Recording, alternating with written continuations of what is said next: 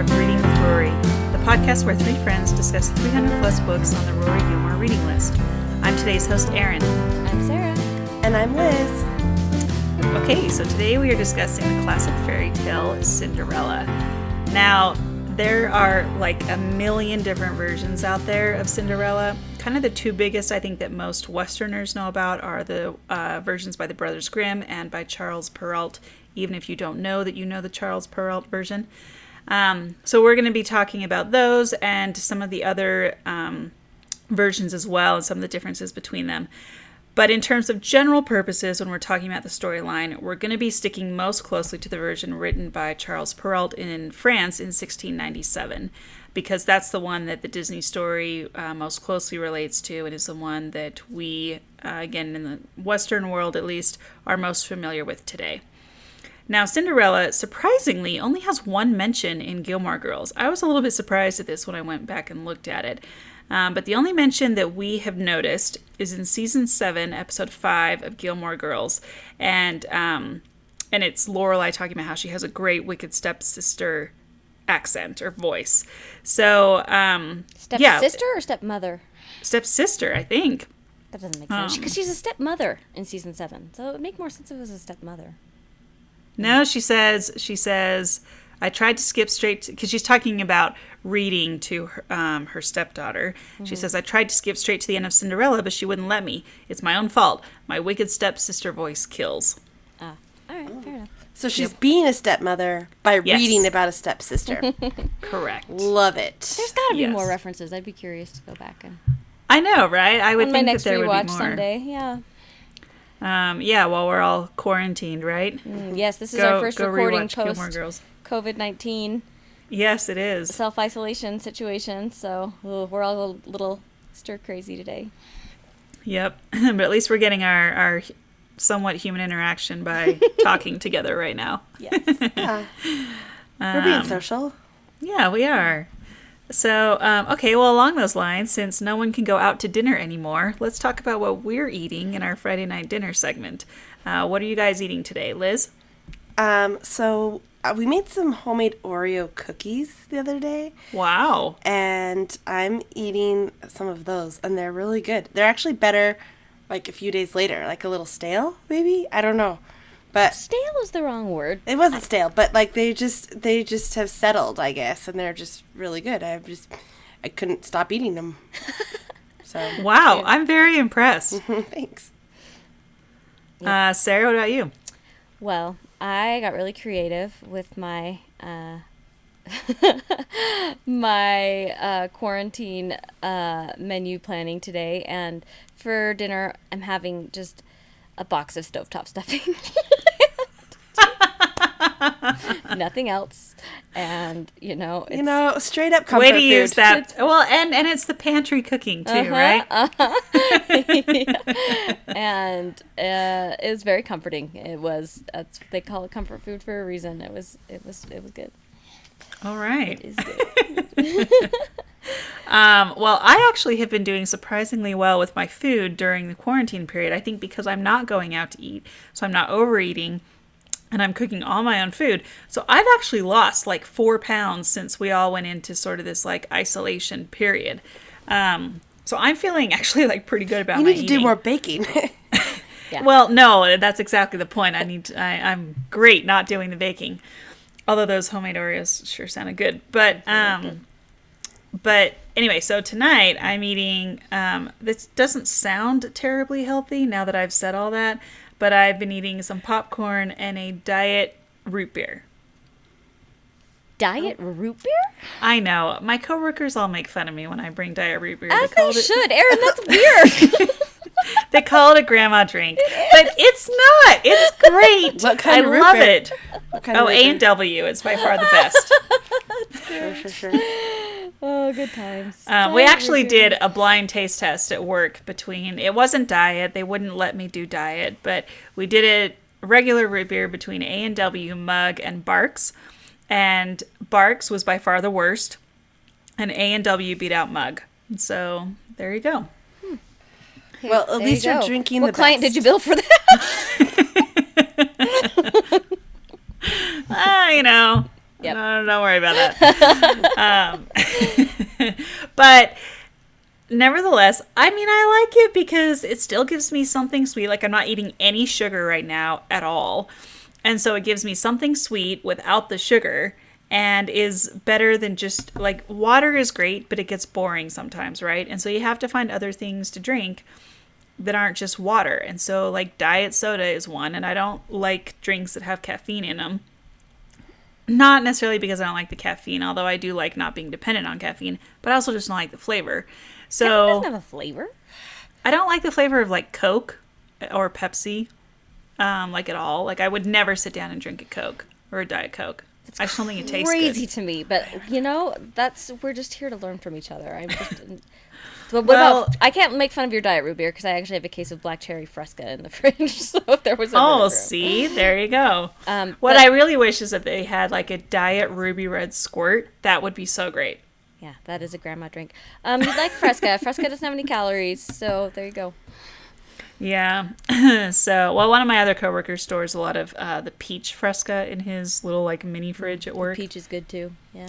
So when I'm desperate, I can get a peach fresca. Although not right now because no one's in the office.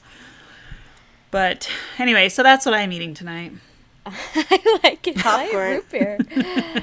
Oh, popcorn man. and my Who diet knew? A and W root beer. Yep. Mhm. and I will stand by that. I love it. I mean, I think anything you're eating is great. Well, and like I said, I'm you know I'm down like four pounds, so I'll just keep Hey, going I with won't it. laugh at the diet root beer. There you go. I know. That's right. Okay, well, on that note, let's dive into Cinderella. Um, now, for those who are unfamiliar with the plot, I literally cannot imagine that there's anyone out there in the world who's unfamiliar with this plot. like, who would that person be? but if you have been living in a box, uh, the the essential story really goes something like this. And I honestly pulled this just from like the Disney movie, but I thought it was good enough that we're going to go with it. Um, so, with a wicked stepmother and two jealous stepsisters who keep her enslaved and in rags, Cinderella stands no chance of attending the royal ball. When her fairy godmother appears and magically transforms her reality into a dream come true, Cinderella enchants the handsome Prince Charming at the ball, but must faith, face the wrath of her enraged stepmother and sisters when the spell wears off at midnight. Um, now, I also wanted to add this other. We're we not little... going to just like spoil the end? We don't want to spoil Cinderella. I like that it gives us like a teaser. We don't want to spoil it. Yeah, this one we're not going to spoil. What it. about the shoe? What about the shoe? Oh, all right, that's true. She loses a shoe at the ball. The prince finds the shoe. He doesn't know who she is, so he uses the shoe as a way to find her. How about that? There you go. Okay. And then they find each other and live happily ever after. It's true. The happily ever after is a pretty important part of this whole fairy tale business. Oh, it's true. It's true. All right, there's your spoiler. um, okay, so one other thing I wanted to add here is that um, so although the story's title and main character's name change in different languages, in English language folklore, Cinderella is an archetypal name. So the word Cinderella has, by analogy, come to mean one whose attributes were unrecognized, one who unexpectedly achieves recognition or success after a period of obscurity and neglect. The still popular story of Cinderella continues to influence popular culture internationally, lending plot elements, allusions, and tropes to a wide variety of media. Um, I did not include a review of Cinderella because honestly, I don't know how you do that. Like, the story is so widespread that it just is, right? Like, it is just such a part of our culture and our folklore and our, you know, storytelling um, history that I didn't think a review was necessary. You can let me know if you disagree. Um, I don't disagree. I don't disagree. that's good. I'm glad we're on the same page. I think Now- there's probably been more critiques as opposed to reviews, right? Like people Yeah. analyzing it and academically diving into it as more than a review. But yeah, Absolutely. Well, and to that end, Liz apparently is our resident Cinderella expert I'm not. because she teaches about Cinderella. And so I really don't know why I'm hosting this episode because I feel like it should be Liz. But um, we will just rely on her her teaching expertise to help help us fill in the gaps. yeah, yeah, yeah, sure. Rely on that. Now, instead of talking about different reviews, so instead of talking about different reviews, I want to talk for a minute about the story's history and some of the key versions that are out there. Now, again, there are there are like hundreds of versions of this story out there and they span the globe so they come from all over the place i saw some that came from south korea they come from um, all different parts of asia europe etc so i'm not going to go into all of them because it would just take way too much time but i do want to go through kind of maybe five of the key ones that have gotten us to where we are today so one of the earliest known um, versions of the story is from Greece between about 7 BC and 23 AD. This is a story of uh, Rhodopsis. Liz, you can correct me if I'm saying any of these names wrong. Okay. Or Sarah. Sarah. I was like, Liz? I, that's... well, I was. I Let's was give let's, let's give moving Sarah her the job. power. Let's give Sarah her job. When All right, Sarah. okay, well, now I feel not great, but continue. Uh, anyway, so it's the story Sarah, of I love that about you. It's just such a great part of, It is. Okay. of this whole Move thing. on, move on. Okay, so Rhodopsis is a Greek slave girl who marries the king of Egypt. Um, so in this version, basically what happens is an eagle snatches one of Rhodopsis' sandals from her maid and carries it to King Memphis. The king, stirred by the beautiful shape of the sandal and the strangeness of the event, sends men in all directions to find the woman who wore the sandal. When he finds Rhodopsis, he brings her to his kingdom, to his palace, basically, and she becomes his wife. So that's kind of the earliest known variant. Um, And it was only told; it was never written down. like yeah, most of these were most of these were oral stories, Yeah. oral traditions. I don't it it we don't get to the first literary written version until we get to um, Italy in uh, the 1600s. Okay, so the next we go to China. So um, this is AD 860, and this is the story of uh, Yi Shan, the daughter of a local tribal leader who died um, when she was young. So she's brought up by her father's second wife, who abuses her.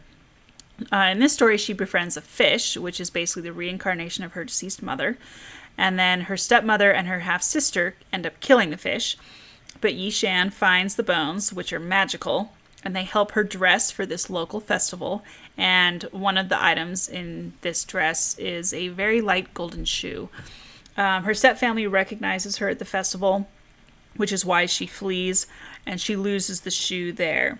Um, then the king of another island finds the shoe. He's curious about the about the fact that no one has feet that can fit it, so he searches everywhere and finally comes to Yishan's house. The shoe fits. The king takes her back to his kingdom, and then the stepmother and the half sister are killed by flying fish, which is an interesting way to end that story. I love Get what's that coming version. to him. Um, so then we get to Europe. So again, the first literary version is uh, from Italy, 1634. This is by uh, Giambattista uh, Basile in his uh, Pentamerone.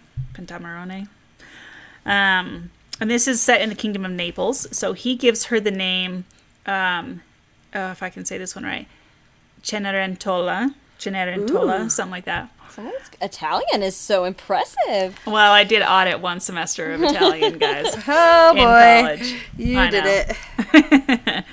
Um, so this comes from the Italian word meaning cenere, and servants were usually, which means ash. So servants were usually soiled with ash because of their cleaning work and because they lived in cold basements, so they had to stay by the fire to stay warm. Um, so in this story, uh, Prince has a daughter. Her name is Zazola, and she is tended to by a beloved governess. The governess, with Zazola's help, persuades the prince to marry her, which seems strange. And uh, oh, the governess, sorry, the governess marries the prince.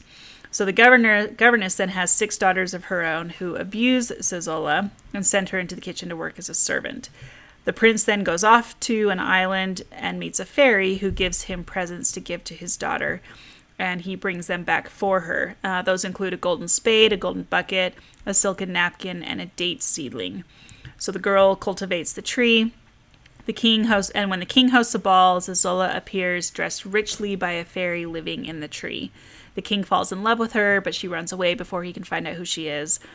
Um, twice he, she escapes the king and his servants, and then the third time, the king's servants capture one of her slippers. Uh, the king invites all the maidens in the land to come to a ball with a test for the shoe. He identifies Zazola after the shoe jumps from his hand to her foot, and he eventually marries her. It's like this foot fetish thing. I mean, that really is a critique actually of it all, but um, there's like a Freudian foot thing. There really is. It's fascinating, and we'll talk later about the concept of the glass slipper, and um, it's it, it's it's fascinating. What? We'll just get to it when we get to it. All right. I feel like there's now I have anticipation. Well, it depends on whose interpretation. If it's Bettelheim's, it's going to be racy. there are very racy interpretations of the glass slipper. it's true. um, okay. Then from there, from Italy, we go next to France. So this is where we get the Charles Perrault version. This is 1697. Um, now this one, Sarah, you can correct me on this one if I'm wrong. I'll s- I'll do my best though. The Cendrillon ou la petite pantoufle de verre. How's that? yeah, okay, I say sure. I don't speak French. Okay. Sarah's learning French right now. She should. I am. I'm working on my French right now, but I yeah, that sounded good to me. I love it. Great. Um, yeah, so this is the story that we are all most familiar with. Um, basically, what Perrault did is he added the elements of the pumpkin turning into a coach, the idea of the fairy godmother, and the idea of the glass slipper. Um, again, we'll we'll talk about the idea of the glass slipper later, um, but that's kind of where that's that's where you know the Disney version comes from. Sure. And then the last one that we'll talk about is the Brothers Grimm version in 1812. This one they called um, Aschenputtel. I think So I said such that a right. great name. Aschenputtel? I know it's so fun. Yeah. Aschenputtel. Um, and uh, in this one, so this version is much more intense than It's the. dark. Yeah, it's it's very dark. If you've read any of the original uh, Grimm brothers fairy tales, they're actually quite dark. And so in this one, uh, Cinderella's father does not die. Um, instead, He doesn't die in the Perrault version either. We talked well, that's true. That's true. And there, we can talk about this too. But there are different. Ver- the father plays different roles in different versions. In some, he's absent, and so he's just kind of unaware of what's happening to Cinderella. In others, he's kind of an active participant, or he's aware of it and does absolutely nothing to prevent it. So it's kind of interesting the role that the father plays. Yeah, I agree.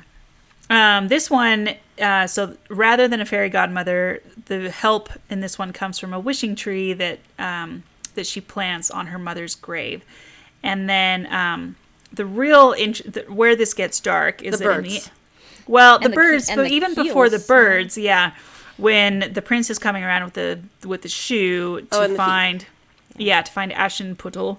Um, the sisters basically like chop off their heels to try to get their their feet to fit and their toes, right? To It's get like their you feet don't need to to fit. stand. It's fine. if you're Yeah. a princess, you don't need to stand. Right. And obviously that doesn't work. Um, Aschenputtel still ends up marrying the prince, and but the sisters become the bridesmaids to Aschenputtel. And as they're walking down the aisle, doves fly down and strike out the eyes of the stepsisters until they're blind. So I think that's kind of scarred me a little bit. Yeah, Yeah. Liz doesn't like birds, so I think that that was actually extra disturbing. Yeah. yeah, it's a little bit um, dark. yeah, I bet. Um, in the version that I let my students read, there's a co- there's like a graphic novel version of this one, so there's some illustrations to go with it. the bleeding eyeballs are evocative. Yes. I showed Sarah. It's pretty. It's pretty cool. you got to hook those seventh graders in, you know. Yeah. Hmm, interesting. Um, anyway, so those are kind of the main versions that have gotten us to where we are today. Again, the Perrault one being the one that we're most familiar with. So now that we have kind of that background, let's talk about Cinderella. First thing I want to talk about is just how we liked the story. So, what version or versions have you read, and how do you like it? Um, Sarah, let's start with you. Um, I read the Charles Perrault. I found this really cool um, illustrated edition of the illustrations were done. I want to say by Roberto Innocenti, um, and they're kind of like like twenties flapper girl style, and they're beautiful. It was really um, it was a really beautifully illustrated book. Uh, but it was the Charles Perrault version, and it was interesting. I mean, I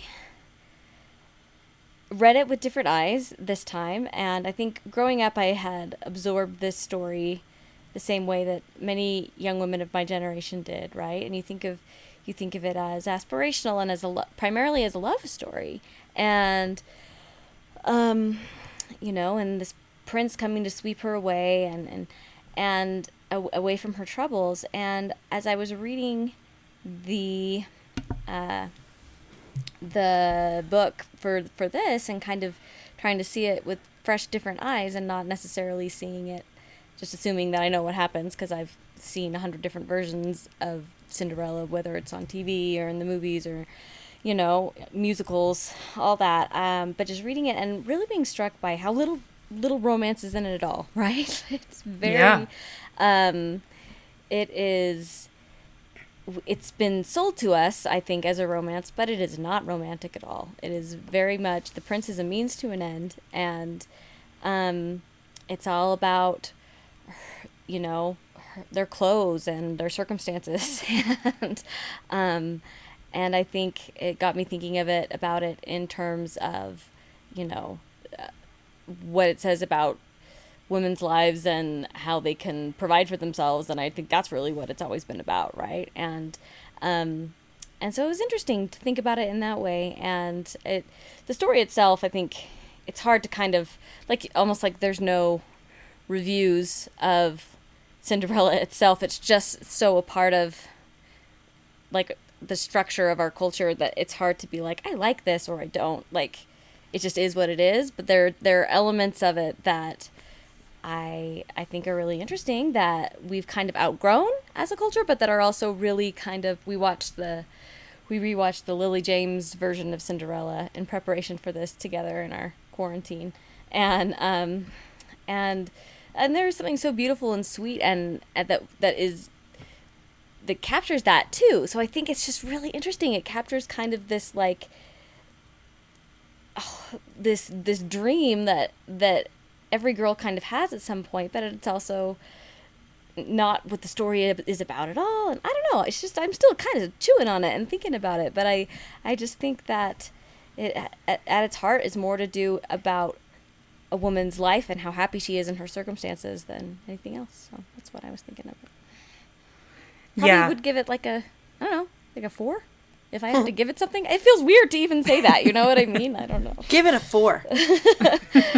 just because like what about like it just i don't know what version are we talking about? The brothers grimm i think it's kind of cool that they peck out the eyeballs that so like i'll give it some bonus points for that so I, don't, I don't know but like i um i just i just think it presents some interesting ideas i'm excited to discuss them Uh, yeah, a lot you said in there that we could unpack and probably will unpack as we uh, as we go further. yeah Um, okay, Liz, what about you?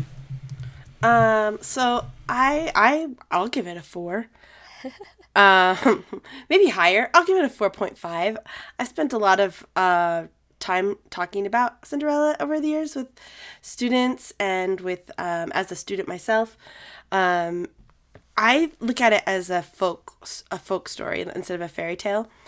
Um, I just see it as this like archetypal story that's just like crossed all these barriers that this like story of rags to riches of like someone who's crossing like who Social is class. crossing yeah class you know whatever it is. But i mean it's just, it's not a love story you're right. It's about money it's about class and it's just about how like someone betters themselves in whatever like by being a good person right? It's a folk story and uh, folklore and every every version of it kind of has that kind of um, part of it to it, right? So it's just interesting to me to compare those versions.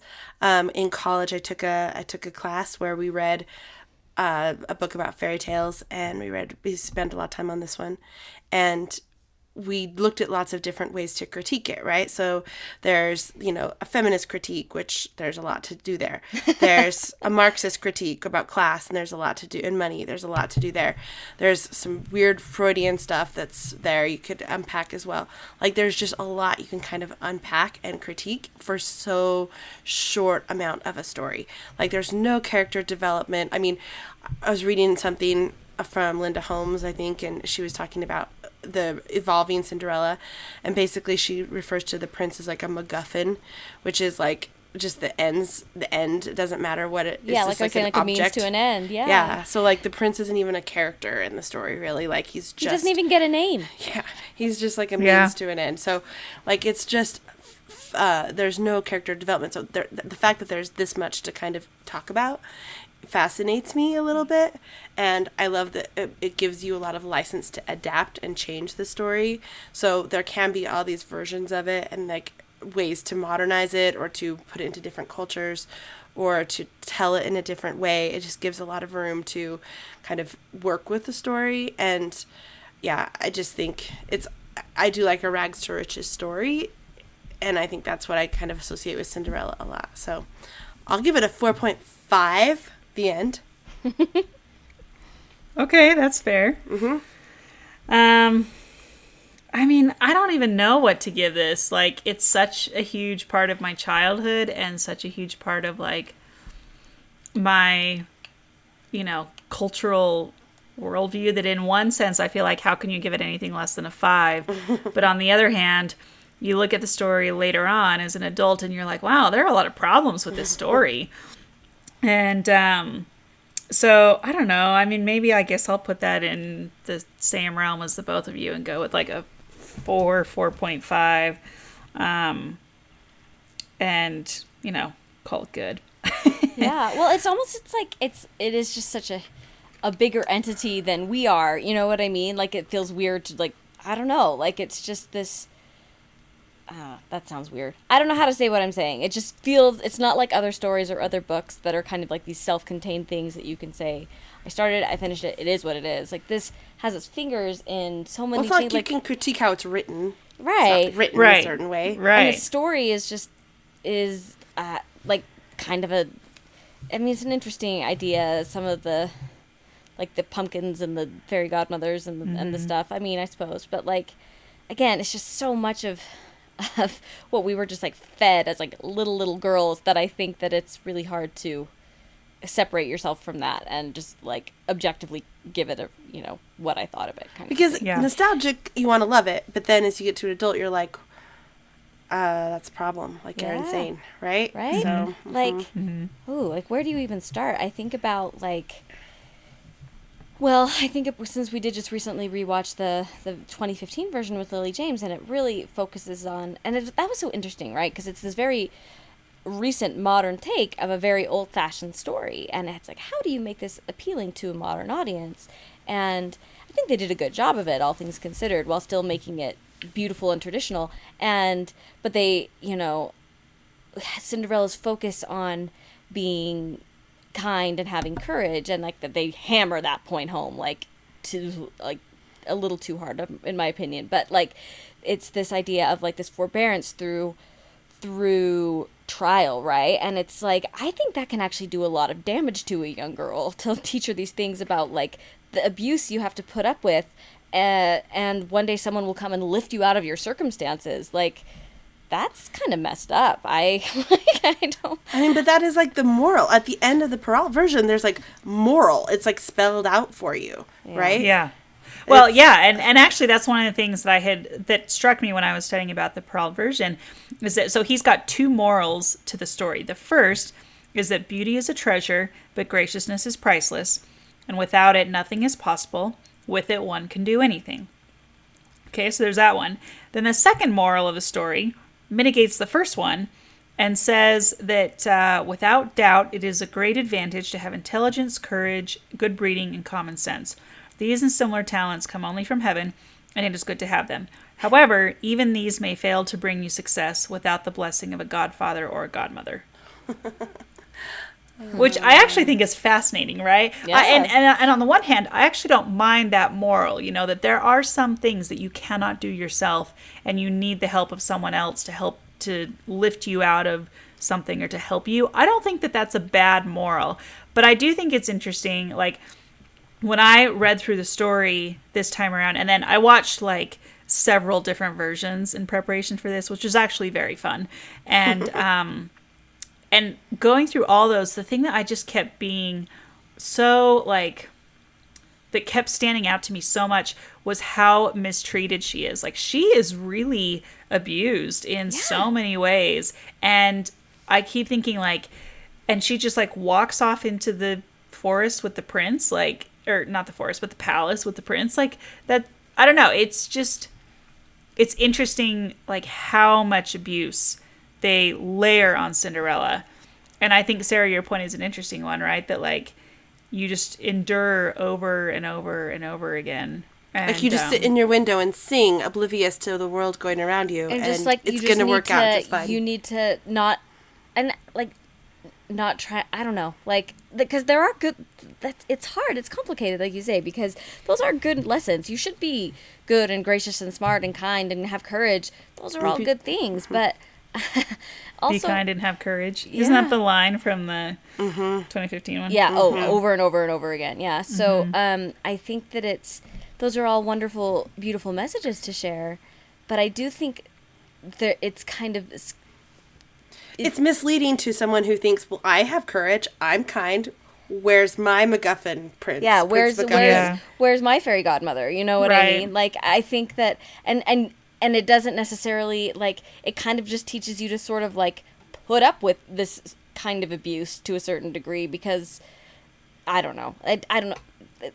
Yeah. So i i think it's tricky. I think that it does teach good qualities. I mean and it has kind of like the contrast between the wicked stepsisters and how awful they are and how cinderella is this picture of virtue compared to them. And it does teach you to be what a what kind of a good person looks like.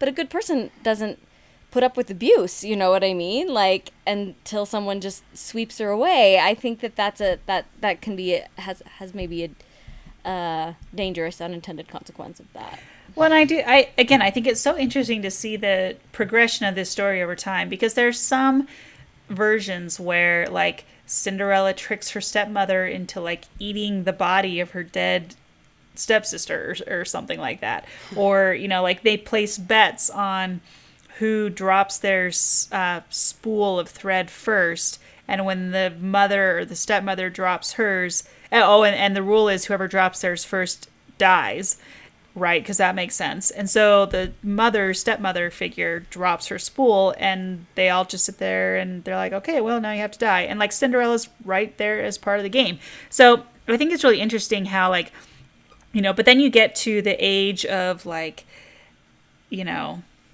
Charles Perrault, and you get to like the 60s when, you know, the 1960s when 50s, the Disney. that was the 50s yeah which mm-hmm. i like break this post-war kind of yeah, and, and this whole life idea. can be whatever you want it to be yeah Right. This and this whole idea of this like perfect demure woman and the just sort of the ideals that are placed upon her, which still kind of filter through in all the versions that we've seen today, right? Like her kindness is such a big uh, characteristic of who she is as a character, and it just it's just interesting how like sort of this progression of like who Cinderella is at her core and how that influences how she interacts with her stepmother and step stepsisters is really interesting. what this in i don't i didn't want to give away the give away the shop too soon but um I knew I wouldn't be able to stop myself from getting to this sooner, uh, because what this inspired me to do was to revisit uh, Into the Woods,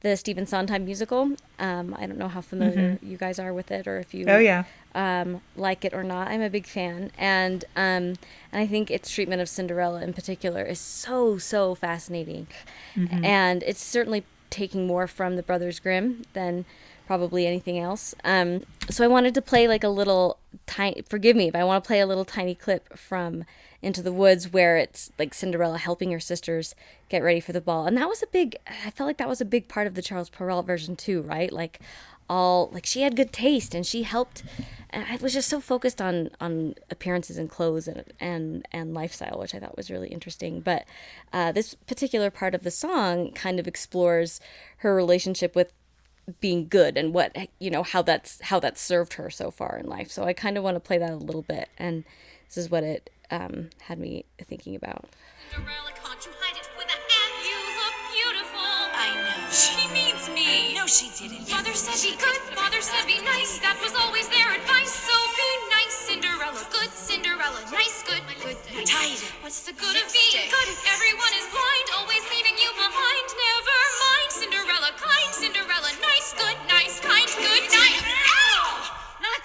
tight.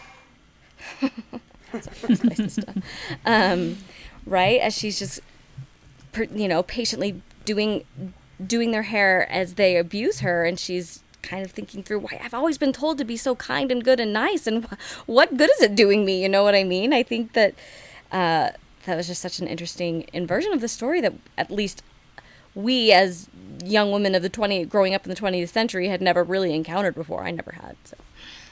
Well, and Into the Woods, again, not to spoil Into the Woods for those who haven't seen it, but it's fascinating her relationship with the prince too. Yeah. Because she gets, she, you know, she goes the way of the fairy tale, ends up with the prince, but then they continue the story after that, and she ends up leaving the prince and the way that the prince interacts with her and it, like you it's clear that it's not the fairy tale that it seemed it would be in the beginning and it's just fascinating it's just a fascinating idea that they're the way they're continuing that and that she finds herself in yet again another sort of abusive relationship but in a very different way and she says i'm done like i'm out Yeah. Well, and I think it also kind of explores again talking to that idea of of your um like she's all anxious about her circumstances, right? Like I don't know, like I don't know what's going to be like to be a princess. This is all I know and this is just and she's so neurotic. I like that she's just kind of in her head, you know what I mean? It's just an interesting she's she really has a lot of idiosyncrasies and and a lot of personality, which we don't often get in Cinderella characters either. They're just kind That's of true. angels, you know what I mean, and saintly uh, to endure all this abuse and she kind of you can kind of see how maybe that abuse has affected her and how she's thought about her life and what kind what kind of life what she wants again what she wants her life to look like so Yeah, for sure. Um okay, what else should we talk about here? Um I think that uh we've kind of talked about Cinderella as a love story, which I think Sarah to your point earlier, I think it's fascinating to think about how every I mean, I cannot look at this without thinking of it as a love story, but it really isn't you know it's a story and there there are a lot of things that um, articles and books that talk about how it's really more a story about women and particularly about treacherous women and um, and they're you know exploring the role of the the stepmother prototype right and and someone who you can put all of your anger on as someone who comes in and replaces that mother role. And so the the stepmother becomes kind of this perfect villain even though in some of the versions she's actually like not a horrible person and has her own issues that she's dealing with. But you look at just the way like the, the role of these women in these stories and the different things that they take on even to the point where the stepsisters become cartoonized right? Like they're so grotesque or so tacky in certain ways that it, it it's just trying to like highlight this this difference between Cinderella and these stepsisters that makes Cinderella look so perfect because these stepsisters are so horrible. Even though I, I don't know. I just think Yeah, they just make a good foil, right? yeah, yeah, they do. But I think it's I I think it's interesting not even to look at this from a feminist perspective, but just to look at it as a story about women and the way that women interact with each other, especially when they're jealous, when they're scared. You go back to the class thing, right? And you look at like if you were looking at a situation where women were dependent on their husbands, then a stepmother would be very jealous of her husband's daughter from a first marriage because you're get his competing for resources, right? Yeah. And so And if um, your daughters were, if you had three daughters or two daughters to get married, to marry, and to marry them well is like your financial future, right? Your your whole like your, whole life livelihood security is yeah Yeah. yeah like it's not anything you mess around with really, and it would have been a purely financial deal. I mean, Yeah. I like I said before, I think it's more of a. I mean, it is a story about women too, but I think it's a story about like just money, right, or class, both things. But like Cinderella was, you know, poor. Like she, she's kind, but in every version, she just comes from nothing, right? There's no, she has, she has like limited circumstances, and the person that she winds up with is a king or a prince or a powerful, and she rises above Rich. and be, yeah, rich because she is. um because she's so good and kind, but sh- it that she's able to pull herself out. So I think for people, generations of people, thousands of years of people see this story who see it as aspirational to right being fi- good goodness will be is is a path to Yeah, to yeah, um I have a very specific word in mind and it totally escaped me. Being rich, I guess, is Security. Security. security or yeah, affluence. Save- and, saving, and saving but, from being But what's so poodle. interesting is for a woman, it's a man that is the means Yeah. of doing that, right? Yeah. Like you you have to be good and kind to get a good kind man And that will beautiful. equal your and beautiful. Right, and um, beautiful. to equal your economic security and it's just i mean and those are the stories that are so deeply deeply ingrained in women and Mm-hmm. and from a, a even like the young women that we're raising and my friends that have daughters are like and try to really not like to really control the message that their little girls receive as far as princesses and these these kinds of messages you know what i mean? And but it's like it even with the disney princess thing it's so effectively marketed to their little girls they're just gonna eat it up anyway. Like i think like we just really absorb this stuff and um and Well, clearly, because the story has lasted for like centuries, right? Mm-hmm. yeah oh yeah So there's something about it that really appeals to us or touches us. But what is it? Is it that it's not the love story? Because again, that's such a small part of it. It it's so that's what I just wonder. I think it's like the aspirational of like my life is gonna be better and I'm gonna be rewarded for it. right, but it's Like, like, that you want- American dream. Can we try and teach that lesson via Not American dream because it's not just that, but just any that. dream of being Yeah. of being safe and secure and wealthy? I guess. But I mean, But I, mean, it's like my common joke where I'm always like, oh, when I told my like life insurance person who was like talking to me about like, or my my I don't know, I was talking, yeah, I was talking to my insurance agent, and he's like, what do you have for life insurance and blah blah blah retirement. I'm like, well, I could still marry rich, like it's it's cool, like I, that's also a Gilmore Girls like- reference right there. Like I have I not given that we up on always have that option. Yeah. Like we always have that option. like, I mean, I'm not really b- serious when I say that, but like, it's um, an option. Like that is a Cinderella aspirational thing to say. Mm-hmm. Do I really expect it to happen? No, but would that be pretty cool? Yeah. right? That's kind of, and I think that's the natural response to it. Like, no, I'm not actually expecting these things to happen to me, but I do think when you ingrain that kind of an idea into someone so young, it can it can maybe cause some problems. Um, well, yeah, and I, but I do think that there is still something to the love story, right? That like I think, I think it depends on the time frame in which you're looking at, and I think for much Yeah. of history, right, it, it is a class issue and it is a security issue. But I think for today, for us, I think the love story is very, very applicable, even though it plays such a small role, because you still want to think.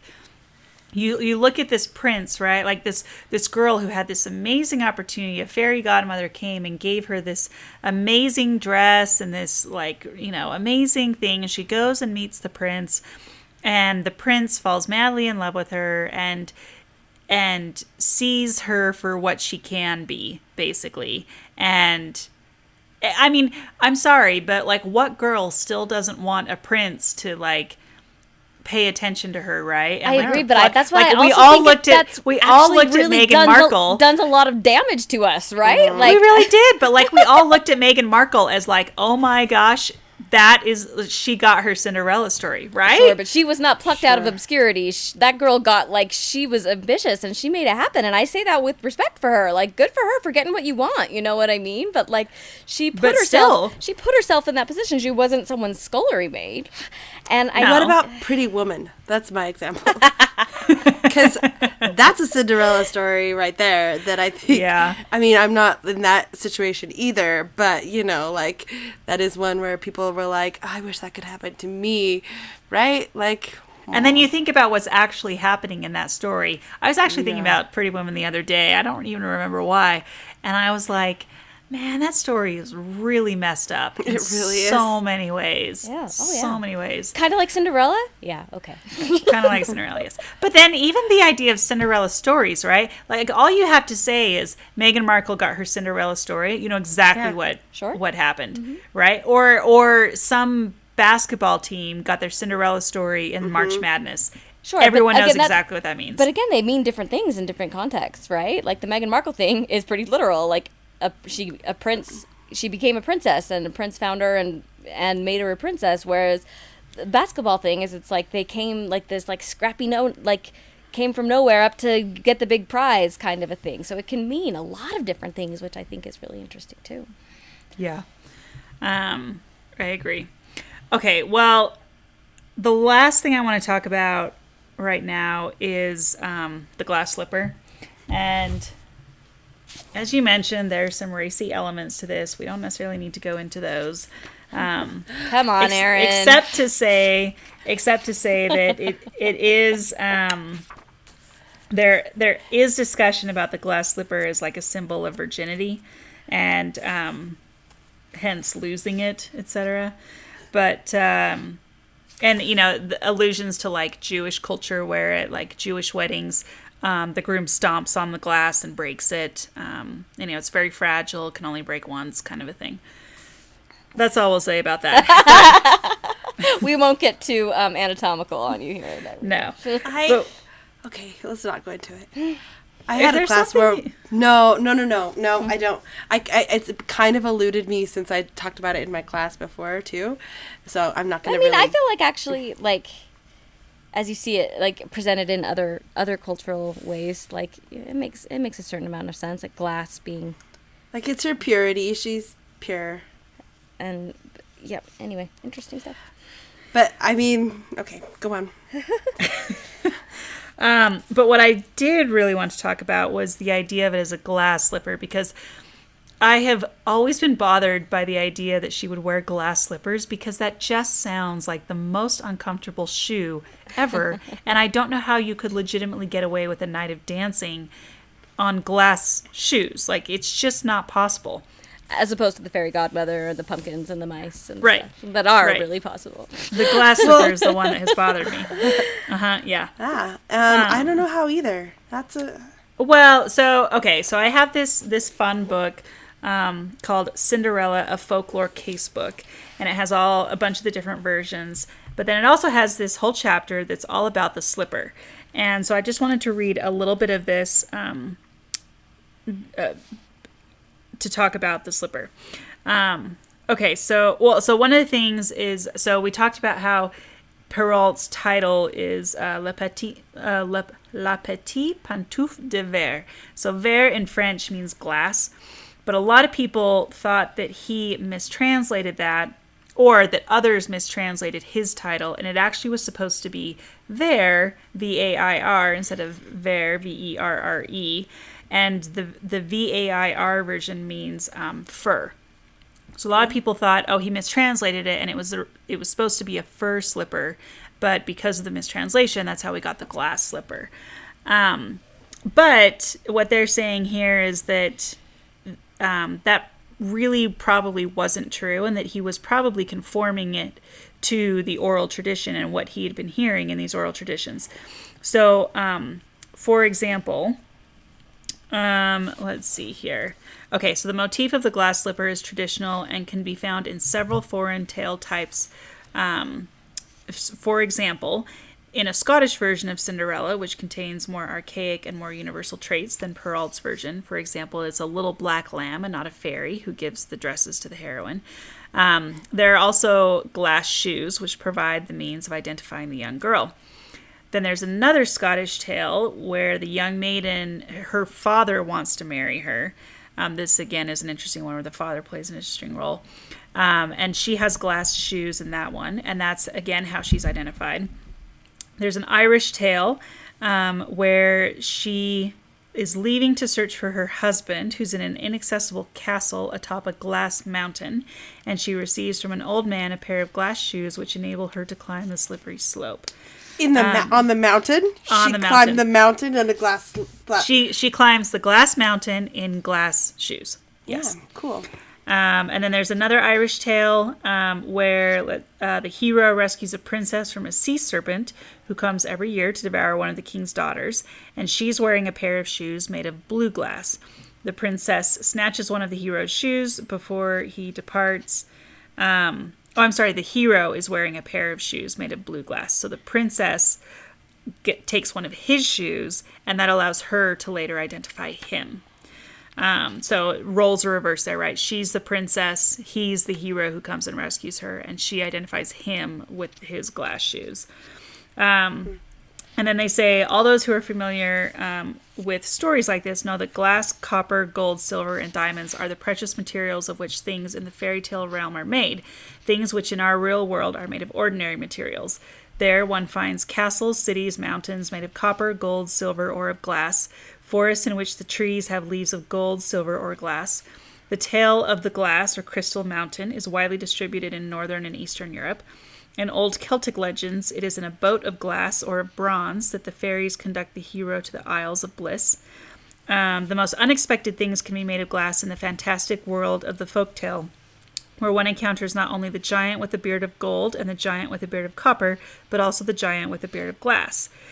So then going back to Cinderella, in some of the versions, it's not glass. It's made of crystal or diamonds. Like also sometimes is made of gold, silver, or cloth, um, etc. There's one story called John the Bear, where the hero rescues three princesses from the underground world, where they were detained by a monster, and um, by having them raised successively by his brothers, who remain at the top of well, and the princesses often each leave behind for him a slipper of increasing value. So the first leaves him one of copper, the second one of silver, and the third one of gold or of diamonds. Um, and then, you know, let us note that slippers of gold, silver, or diamonds are hardly more true to life than those of glass. So we can forget about the logic of the slipper and basically, even though it appears frivolous in this day and age, it doesn't really matter. so, anyway, I just thought that was Interesting. kind of interesting. Yeah. Well, that is interesting because I think that like the shoe it obviously plays an important part in the story, like over the years. But like I look back at like the Chinese version, and when you look at like their tradition of uh, foot binding and like the small foot, and then like even in a, in different cultures where the role that a woman's foot plays, and almost it's like role in you know Sarah was like joking around about how like oh it doesn't matter. You, you're a princess. You don't have to stand. Like women don't need feet that are functional right? So they don't need shoes that are functional if they are princesses right? So or if they are wealthy they can just sit in their Chinese palaces right? Like that is an interesting element of these like super small feet that a shoe only your one shoe would fit and it'd be your foot is so small that it's like a part of like your identity like i just think that that kind of carries over in some of these stories as like a Small feet as and delicate feet as a sign of femininity Yeah. and yeah mhm. Yeah, but it's really interesting that the idea of the shoe carries through all of these stories. yeah Um, so I think that's really interesting. Okay, well, let's um, now talk about pop culture. I think it's time to move into that segment, even though we've kind of been blending that discussion as we've gone along. But I do want to take a second to talk about some of our favorite movie versions um, because there are so many out there. I'm not even going to attempt to name them all. I will let you go find them on your own, and you probably are watching one right now because it's almost impossible to avoid this story. everywhere. Like she's all Um, that. Okay. Is that your favorite? Uh, well, yeah. is that your favorite sarah No, it just occurred to me though. But- and but I realized that- how much I love that yeah. movie. Yeah. Um, anyway, so as I mentioned, I watched several versions of this, so I just want to tell you the versions that I saw because I thought it was really fun. So first of all, I saw um, the Fairy Tale Theater version, which if you have not watched the Fairy Tale Theater shows, you need to go find them. They're kind of hard to find because they were done in the 80s and they're so 80s. It's almost so painful. 80s. But they are lovely and I watched them growing up and I asked my mom to get me the whole set for Christmas one year, and I'm so happy that I have them now. But um, they go so when it, you told me you watched that i was very jealous go on yes. So when you told me you own the whole set, I laughed really hard. um, well, they're so great, and they were such a critical part of my childhood, and it's so funny to go back and watch them and to have these like flashbacks to my childhood where I where I see these. Uh, If you don't know what fairy tale theater is, Shelley Duvall, who was uh, The Shining, and that's why that I don't think it Yes. ever affected me. I think I associate her with like being scary in The Shining, but okay. oh, see, Shelley I- Duvall? Yeah, I associate her more with um, fairy tale theater? with Ro- well with fairy tale theater of course but with uh, roxanne um, the movie with steve martin and yeah. So because she plays the friend in that. So i associate her with fairy tale theater and roxanne. Anyway she basically gathered together a whole bunch of her actor friends made these what seem kind of like relatively low budget um, little films out of fairy tales. They're not very long; they're like an hour long, and but the people, the actors in these shows are some of the biggest name actors that we have today. For example, the prince in Cinderella is Matthew Brod- Broderick. Um, Susan Sarandon plays Belle in Beauty and the Beast.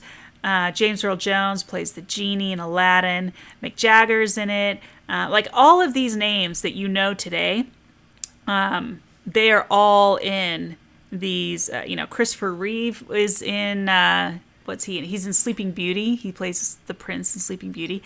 Anyway, it's just it's Bernadette Peters is also in Sleeping Beauty. It's just hilarious to see. Um, to see these actors in this very some of them in this very early stage of their career on these kind of low budget fairy tale things and it's just hilarious. So anyway i watched that one. Um, then i watched the original disney one from 1967 i believe. No, I think Then- it's from like the early 50s. is it? I thought it was from the 60s anyway pretty sure that 50s, one. yeah. You all should know what we're talking about. Then i watched the 2015 disney one the remake with lily james. And then um, i watched um, ever after because how can you not and then i watched I'm sorry, but couldn't can we talk about Drew Barrymore's horrible accent in Ever After? I like that movie. It's a great movie. I actually watched it in That my- one makes it a love story, actually. they did. That That one made it fun. make it I a liked love it. They made the char- Prince an actual character, but um, we and we watched it in my sophomore year of high school. My world his my honors world history class. We watched Because that of. Leonardo. Good work. da Yeah, I think so. And like the, the like the king and queen of France were like the real king and queen at the time. I don't That know. is a stretch. it was. on your we also mummified right chickens in that. was it the end of the year when No, the teacher it was just- wasn't. Did you have Nancy Ballard for any any classes at Skyline, Erin? i don't remember maybe She was a kook. Anyway, she also had us mummify chickens for the Egyptian unit. Anyways. no i definitely didn't do that Yep. anyway, so we watched Ever After, and, and it was a really formative for me educational experience. Anyway, but Drew Barrymore, just the, her accent is just painful for me. I admit it really harms the rewatch value on that one for me. oh see i don't care i'm fine i will let it go Yeah, I don't I'm with care. Erin on this one. Sorry, Sarah. I just appreciate the movie so much that I like really don't care. I I will take it. Right. Um, that That's is, why, that that is- that's why I ruined it for you. Just Next time you watch, you're gonna notice the accent and be like, "Oh yeah, that is really bad." Well, sure, but again, I just don't. I just don't care. I just it don't. It doesn't bother me at all. and uh, Ever After is probably one of like three movies, maybe the only movie that I can watch at any time, no matter what. Like any time, if I throw Ever After on, I'm gonna be happy about it. I don't know why. So I'm I'm a big fan of that one. But then the other one I watched, I tried really hard to find the Rodgers and Hammerstein one with uh, Brandy and Whitney Houston, and I could not find that one on Amazon for that some reason. So then instead, I watched a Cinderella story with Hilary Duff And Chad Michael and Murray. Chad Michael Murray. Yep, throwback to the '90s, and oh my gosh, her hair is so is so bad. Was it the But 90s? it was- I am sorry. Why do I keep doing this? But I d- it's been- No, it's not the 90s. It is later than the 90s. Yeah. Oh, was it? When Uh-huh. was it Yeah. done? It was like early 2000s. well, '90s and early 2000s are basically the same thing to Ooh, me. So I disagree. Hard disagree on that one, but yeah. Okay. Well, late 90s, early 2000s, yeah, I think they're kind of the same thing. But whatever. Okay, fine. Early 2000s. The point is like 20 years ago. You guys should fight about this more. should we absolutely should, and I would win. Oh my gosh. You probably would, but I'm I'm just not going to go there. Um but some fun facts on the 2015 Cinderella story that I pulled off IMDb. So again, who knows how how real they are. But they said that um a total of 10,000 Swarovski crystals were placed one by one on the blue dress and in her hair, which is mind blowing. Um, the blue dress had a total of eight versions made that were all used depending on what she was doing in the scene. So, for, for example, when she's running away from the prince, it's shorter so that she can run.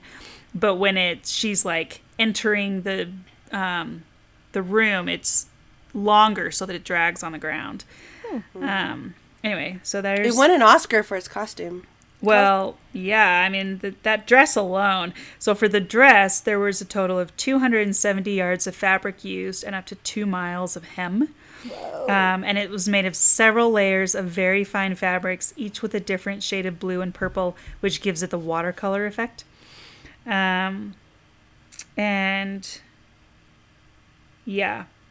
Anyway, those were some of the ones that stood out to me.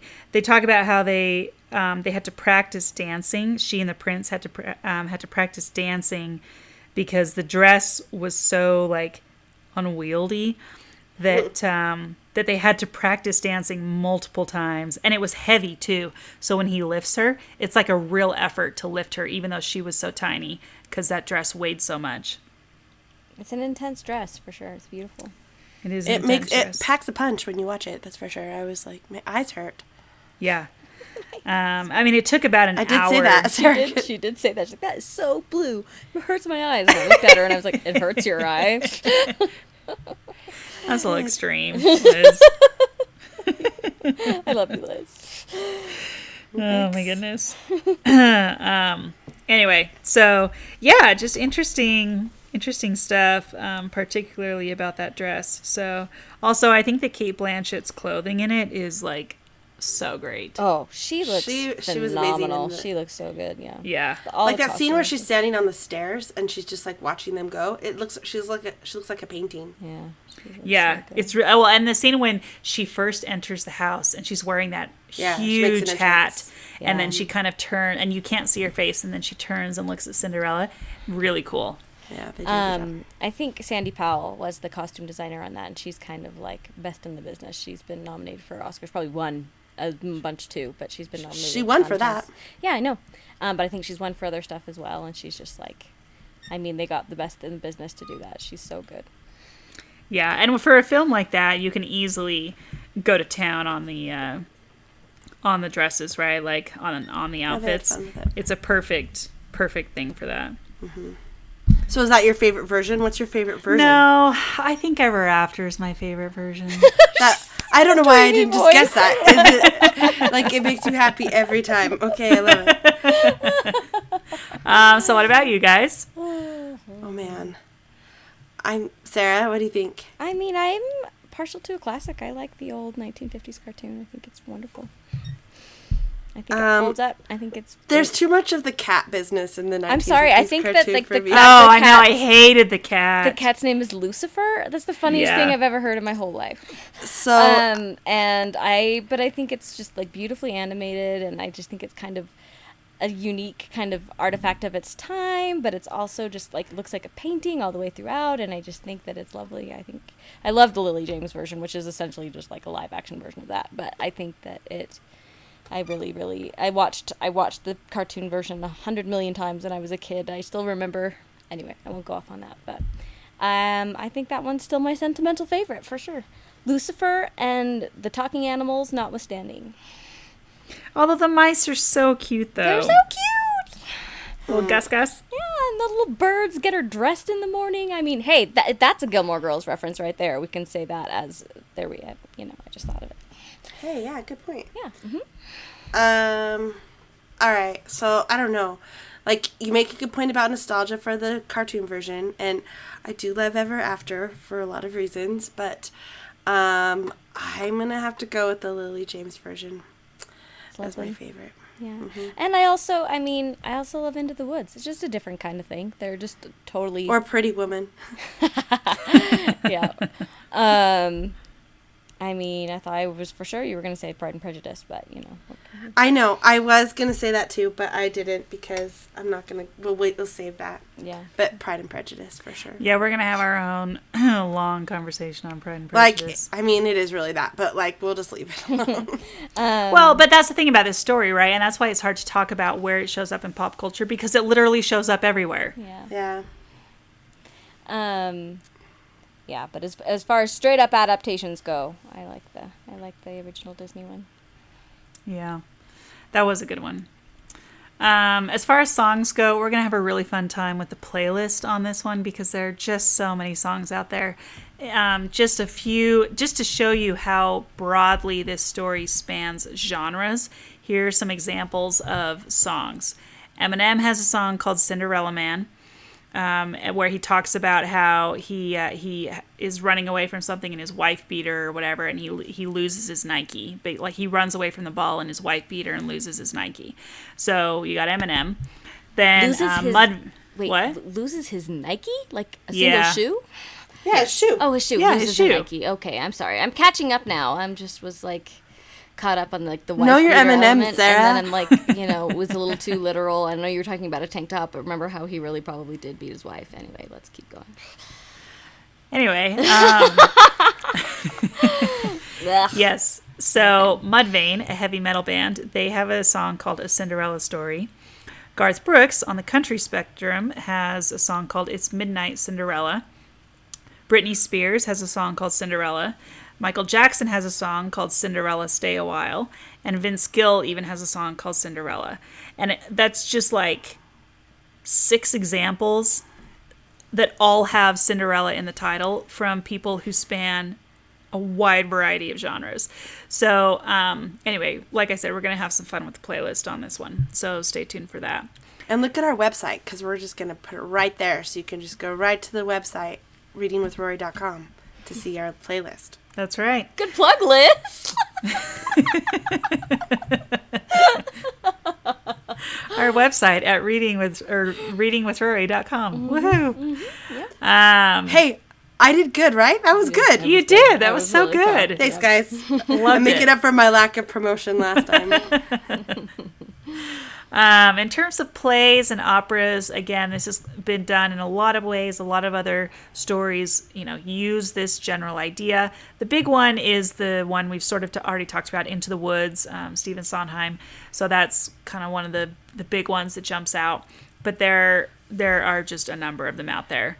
Um, what else? Anything else? what on the about pop- the TV show that was like ABC? There was the um, uh, the all the fairy tale char- characters. Once well, there a was. Grimm. Once upon a time. Once upon a time. Oh, that's right. There's Once Upon a Time. There's also Grimm, and then um, and There's, then like, there's there's one books. right now that's on TV that's about uh, fairy tales also, and I can't remember the name of that one. Um, it's got the guy from the Vampire Diaries in it. Hmm. Um, I'll I'll think of it in here in a second. Um, hold on. Tell me a story. That's the one that's out on TV now. So it's an anthology series featuring beloved fairy tales interweaving into a subversive tale of love, loss, greed, revenge, and murder. Interesting. Well, so they just keep read putting them out there, right? For Yep. Uh, this is what happens when no one owns the characters, but they're so well known that you just people can do whatever they want with them. Yep. hmm Um. Anyway, so uh, all you have to do is open your eyes, and you'll find this story somewhere in pop culture. Okay, so now let's go on to our favorite segment. Sarah has already spoiled this for us, but um, let's talk about what we're inspired to do now that we've finished Cinderella. Sarah, do you want to just reiterate yours real quick? I mean, yeah, I just like I said, I was I was inspired to go back into the woods and I um love and just listen to the soundtrack and probably, you know, I like the movie version. I know not everybody did. There's people that didn't weren't as familiar with it that were expecting it to be like, you know, sweet traditional Disney and we're like, ah, this is really dark. And then there are people that are like Sondheim purists that are like, Disney is gonna ruin this. so, but it hit a sweet spot for me. I really liked it. So yeah, I'll probably go rewatch the movie. I love that show. Good. Uh, Liz, what about you? One. Well, it inspired me to maybe watch Pretty Woman. so, Okay. I mean, I don't know what to tell you. um, blame it on the quarantine. All we can do is watch stuff. I I just have been like finding some random things. My brain is not like connecting dots in ways it should anymore. So, um, Pretty Woman sounds like a good comfort for me, or maybe Ever After. I'm with Erin on that one. Yeah, go watch Ever After, and then we can talk about it. Or it. both. Okay, cool. or both or both um, i mean mine's kind of similar in that except i've already sort of been doing this. You know i read the story and the version that i read was the charles perrault version but it was um, illustrated by arthur rackham which was delightful. The, the illustrations were absolutely delightful. And uh, anyway, and so I've read it and I thought I want to go watch every version of Cinderella that I can find, or at least like you know a lot of them. And it's been really fun, and I think I'm going to keep going with it to just go find all of these super random. I mean, not all of them are random. We've talked about the big ones, but to just go find all these different versions of Cinderella and see how they're similar and how they vary. And uh, you know, like the Hilary Duff version is just a little bit different. But there are still a lot of really similar threads that pull through there, even though I they mean, try to make her more what modern about and the more Selena feminist. Gomez version that's creatively titled Another Cinderella Story? Yeah, what? ab- okay, I have some others to throw out. oh, I haven't seen that one. Cinder Elmo with Oliver Platt. Oh, stop it! Yep, it's good. Nope, that's a thing. Or Cinderella 3, But not where two. it skip two. I hate two. Three is better. It skips around with the time a little bit and like it goes back and rewrites the story in like creative ways, and I'm like there for it. Cinderella 3. um, you know what I actually did want to was ins- am inspired to do that I wanted to mention also that we kind of touched on before. There's a book that came out um, a a few years ago. Now I'm gonna Google it really quick. It's called Cinderella Ate My Daughter, um, which sounds like it's like a child book, but it's not. It's like a kind of like a feminist Parenting book. parenting book. And um, when was it written? So it's by Peggy Orenstein. Okay, yep, that makes sense. and okay, 2012 was when it was written. And it's always one I've meant to read, right? But just um, like so it says dispatches from the front lines of the new girly girl culture, and just kind of like this whole idea of what like since Disney has really commodified and like done this hard sell on like the princesses, and they have it's this whole huge marketing push and what that like how it's being fed to our um, our little girls. And i think that we want to be aware of that and and try and temper it to the extent that we can. Not that i have a daughter but you know we are all in a position to influence young impressionable girls. So i think i will add that to Be in charge reading of our own financial destinies. heck yeah! uh-huh Um, I'm sorry, you guys, but I'm just looking here on IMDb, and Yeah. we have a new version of Cinderella that's supposed to come out next year. Can I just tell you who's in this? This Yes, is going to be so please. great. So Camila Cabello is going to be Cinderella. Oh my gosh. Billy Porter is going to be the fairy godmother. uh, Minnie Driver is going to be Queen Beatrice. Okay. And then we still use the stepsisters Anastasia and Drizella, which means it's going to be Disney esque because the Disney version is the one that uses those names for the sisters. Is it going to be like one of those live ones that they do on TV? I don't know. It's it. All it says is a modern musical version of the classic fairy tale Cinderella. Um, James Corden plays a footman and mouse. Um, is disney making it I I don't know, but uh, Idina Menzel is going to be the stepmother. Ooh, Okay. that'd be good. Uh, Pierce Brosnan is, is also in it. Not sure what his role is going to be. Please don't make him Maybe the sing. Duke. I know, right? Um, Because I have so, so uh, much love in my heart for Mamma Mia, even with his terrible singing. But wow, the singing. Okay. but he's yeah, he, it's not his forte. Um, Missy Elliott is going to be the town crier. Oh heck yeah, I'm so I'm in. there. Yeah. Any, anyway, so um, check that out. Yeah, I don't know. It doesn't really show who. There's not really anything about it um, here, so I can't really tell you any more than that. Well, Except that it's on IMDb. it's going to take you that long to watch that many versions to get to that one. But like, Erin, please watch Cinder Elmo. Please watch Cinder Elmo. I'm serious. I'm Like, sorry. That I'm just sounds so awful. so No, it's not awful. It's not. Watch Cinder Elmo. Erin, Is it one Haven't you learned to trust us after all this time? Well, it doesn't mean you can't be wrong. Mm. I mean, I'm probably wrong, but just watch it. Just How do you it. even spell that? Like It's Elmo. like Cinder Elmo, like Elmo, like Elmo from Sesame Street. like the gosh. Muppet Elmo. Oh my gosh. Well, the cast is interesting. Keri Russell, Yeah. Kathy Najimy, French Stewart. I don't really like French Stewart. Oliver Platt. Do you think that Oliver Platt's the only one that stuck with me on that one? It has Oliver Platt, like it's the world's biggest household name. I love it. Uh, interesting. Okay, well, there you go. So apparently, Promise like five minutes at least, just to get like what role Elmo actually plays in the role. I mean, what? Where do you even find it? I have to rent it on Amazon Prime. I don't know that I want to spend three dollars on it.